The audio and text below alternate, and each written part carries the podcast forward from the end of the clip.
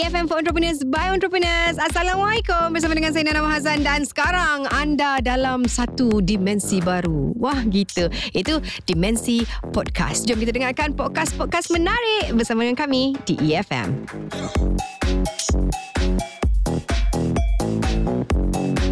Okey, Malaysia merupakan antara negara mencatatkan jumlah penduduk memiliki telefon pintar tertinggi dengan menduduki tempat ke-10 di dunia. Wow, dan berdasarkan kaji selidik uh, firma Pew Research Center, Malaysia merupakan antara negara tertinggi pemilikan gadget dengan mencatatkan kadar penembusan mencapai 65%. Ha, nombor satu siapa agaknya ya? Dan laporan New Zoo Global Mobile Market uh, mendedahkan Malaysia menduduki tangga ke-29 bagi penggunaan internet tertinggi di dunia dan hasil kaji selidik yang dijalankan mendapati uh, terdapat kira-kira 24 juta 572 446 pengguna internet di Malaysia. Wow, banyak. Dan bayangkan hampir 30 juta rakyat Malaysia menggunakan handphone dan pastinya bisnes handphone merupakan antara perniagaan yang sangat besar pasarannya. Juga tak kecuali tak terkecuali adalah aksesori handphone yang turut mendapat kesannya juga. Alright jadi kita duduk diam jangan terbuka sangat mulut tu besar sangat terkejut ke dengan uh, statistik tersebut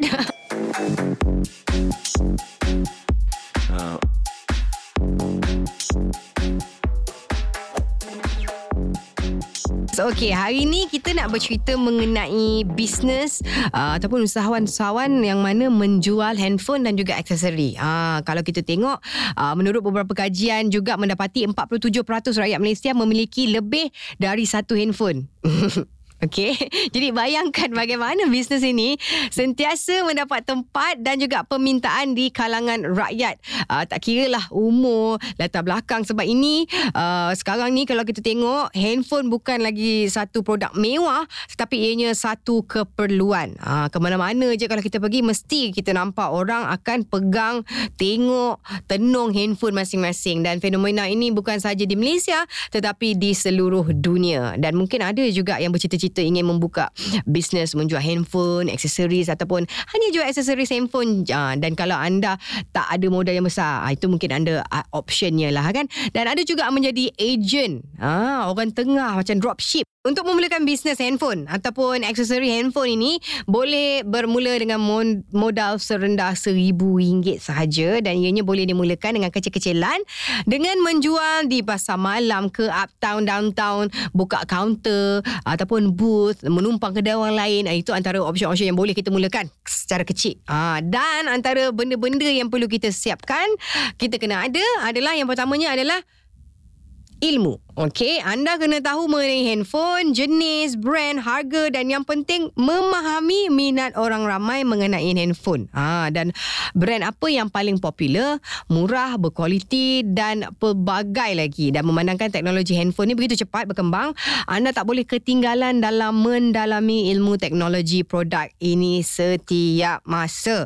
Jadi, ada pelbagai cara untuk mencari ilmu ni. Banyak akan membaca dan bergaul dengan anak muda sebab mereka sentiasa update update pasal handphone dan juga aksesoris. Ataupun kita boleh tengoklah di negara luar. Mungkin kita boleh menjadi pelopor ataupun orang pertama yang bawa trend. Okay, modal untuk menjadi usahawan menjual handphone dan aksesori ini tak sebesar mana yang anda fikirkan. Bergantung kepada saiz bisnes kita. Okay, boleh juga bermula dengan membuka di pasar malam ataupun uptown. Kalau kita ada duit lebih sikit, boleh sewa tapak dengan buka kaunter ataupun booth di kedai-kedai kawan ataupun di shopping mall. Juga anda boleh uh, fokus mungkin jual aksesoris handphone je dulu sebab modal kecil kecil dan ada pelbagai aksesoris handphone yang sentiasa up to date. Bayangkan saja casing cover handphone tu bermacam-macam bentuk design corak dan sebagainya. Belum masuk lagi kabel. Kabel nak charge tu pun ada macam-macam warna macam-macam jenis. Ada lagi apa tu yang uh, bling-bling kita tampal dengan handphone tu. Uh, car holder.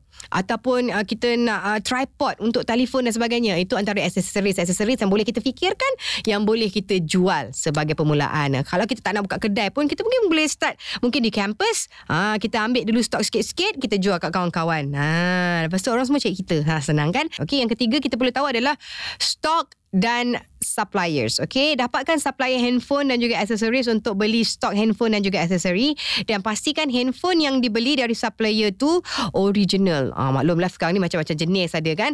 Dan manakala kalau aksesori pula boleh beli dengan pelbagai sumber. Malah boleh order juga dekat website yang popular seperti alibaba.com ke ada macam-macam medium yang boleh kita cari. Ah, dan kalau kita nak beli secara borong, pastikan aksesoris dibeli juga yang uh, sentiasa up to date dan jadi kegilaan pengguna. Ha, makin mudahlah kita nak jual yang boleh meletup kan. Kalau kita dah ambil, mungkin stok tu mungkin murah sebab mungkin dah tak trend. So tak guna juga kalau kita beli stok tersebut sebab kita tahu um, takkan ada orang nak beli sebab ada trend yang baru kan. Jadi kita kena pandai tengok apa yang trendy untuk kita mengambil stok daripada supplier yang mana. Okay. Uh, yang keempat adalah bisnes sampingan. Okay. Bila dah jual handphone, belajarlah macam mana nak baiki handphone. Itu juga merupakan satu uh, kelebihan. Okay. Sebab dia boleh menambah nilai bisnes kita. Okay, sebab pelanggan akan lebih mempercayai usahawan yang tahu serba-serbi pasal handphone. Ah, bermula dari jual handphone, aksesoris, baki handphone, okay, dan selebihnya.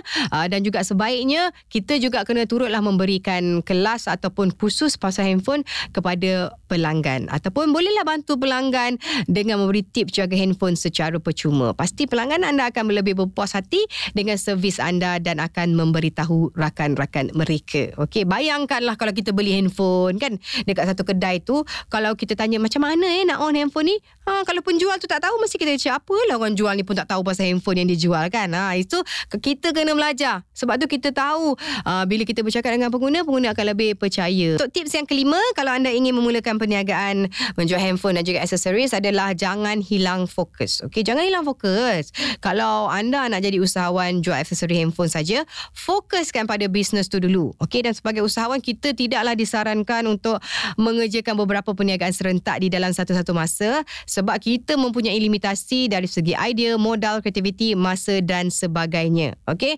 fokus pada bidang yang kita pakar dan minat.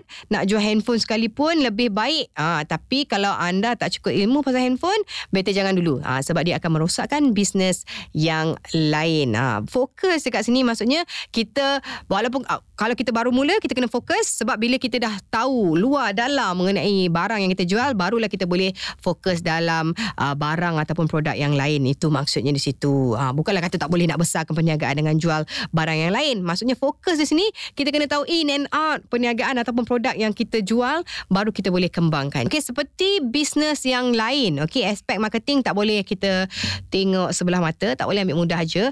Tambah pula bisnes handphone dan aksesoris ni banyak persaingannya.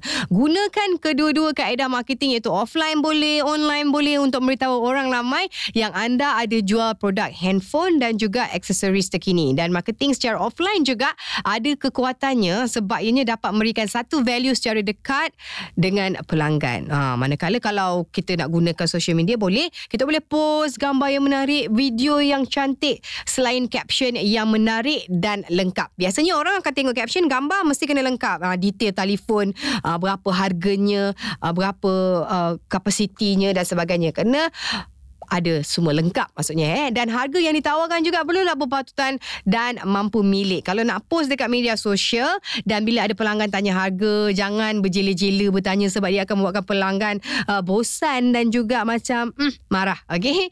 Bagi je harga sebetulnya sebab kalau ada harga anda sesuai produk berkualiti mereka pasti akan beli. Dan ingat pelanggan juga berhak untuk membandingkan harga. Sebab tu jangan takut bagi harga uh, yang anda tawarkan. Ada rezeki anda tak akan ke mana-mana. Ya ke tidak? Betul kan? Ha, kalau kita kalau kita letakkan diri kita sebagai pengguna pun kita juga mesti akan melakukan perbandingan dengan kedai-kedai yang lain. Jadi kalau boleh kita offer the best offer, mungkin kalau kita beli kita dapat free gift uh, cover percuma ke kabel percuma ke dan sebagainya dia boleh membantu ataupun letakkan value uh, lebih sikit daripada kedai yang lain ketujuh adalah pengurusan keuangan seperti bisnes yang lain juga pengurusan keuangan juga penting dalam memastikan wang keluar masuk modal untung rugi dipantau secara bersistematik dan segala urusan perbelanjaan berkaitan uh, termasuk perbelanjaan yang tak dijangka perlu dikemas kini ya. mungkin ada produk aksesoris handphone yang rosak yang nak kena kena pulangkan, defect dan sebagainya kan. Jadi uh, pastinya ada kos luar jangkaan okay? dan rekodkan segala kos keluar masuk Okey, kalau uh, kita memulakan bisnes kecil, anggaplah anda bekerja untuk bisnes anda. Jangan merompak bisnes anda sendiri. Okey, dan kita juga sebenarnya perlu mengambil gaji seperti pekerja yang lain. Bukannya guna semua wang hasil jualan sebab pastinya dia akan mengundang masalah keuangan pada masa depan. We have to teach ourselves to be systematic from the start. Yes. Walaupun kita kata, alah bisnes kecil, aku jual duit aku lah kan. Tak boleh. Macam ni kita kembangkan bisnes kalau kita ada that kind of mentality. Okay, jadi ingat kena pastikan kita punya pengurusan keuangan berada dalam tahap yang baik. Okay, dan tips yang ke-8 dan merupakan tips yang terakhir adalah layangan layangan layanan mesra kepada pelanggan. Okey, pelanggan ni adalah merupakan sumber kejayaan bisnes kita. Begitu juga dalam bisnes handphone dan juga aksesori ni. Hati pelanggan haruslah dijaga. Ya, dengan arti kata lain, kita kenalah berbuat mesra dengan mereka dan sebaiknya bagi tips pasal handphone dan simpan data pelanggan sebab boleh sharekan juga produk terbaru yang terkini kepada pelanggan sedia ada. Dan mungkin mereka tak ada niat nak beli tapi bila anda sentiasa update dengan mereka mengenai info produk uh, mungkin mereka akan membeli untuk dijadikan hadiah ke ataupun nak upgrade phone yang diorang ada ke dan sebagainya kan? Dan yang paling penting berikan senyuman kepada pelanggan. Walaupun dia membeli melalui WhatsApp ataupun social media kita hantarkan emoticon senyuman. Ha nampak kita friendly kan? Ha, jangan tak ada titik tak ada emoticon tak ada nampak macam very dry. Dan kalau ada soalan yang anda fikir agak bodoh pasal handphone berikan jawapan dengan sebaik-baiknya. Sebab kita kena fikir tak? Semua orang tahu pasal handphone terutamanya smartphone ataupun telefon pintar ni kan? Jadi tugasan kita sebagai seller adalah memberi ilmu kepada pelanggan. Nescaya insyaallah dengan layanan baik kita ni akan membuatkan ramai orang sudi dan suka untuk berurusan dengan kita. Kalau seorang ni beli suka dia pun cakap dengan kawan dia babe babe babe kau nak beli telefon kau beli dekat Nana ni. Sebab dia ni jual uh, ramah tamah. Free gift lagi dia bagi dan sebagainya. Ha kan? Jadi kita jangan jangan rasa rugi kalau kita uh, habiskan seminit daripada masa kita berborak dengan customer tu. Mungkin tanya tanya khabar. Mungkin tanya dia orang dah makan ke belum. Ha itu added value yang mungkin di appreciate oleh pelanggan-pelanggan kita. Insyaallah. Dan dengan itu tamatlah sudah 8 tips yang saya kongsikan hari ini mengenai usahawan aksesoris telefon dan juga telefon tu sendiri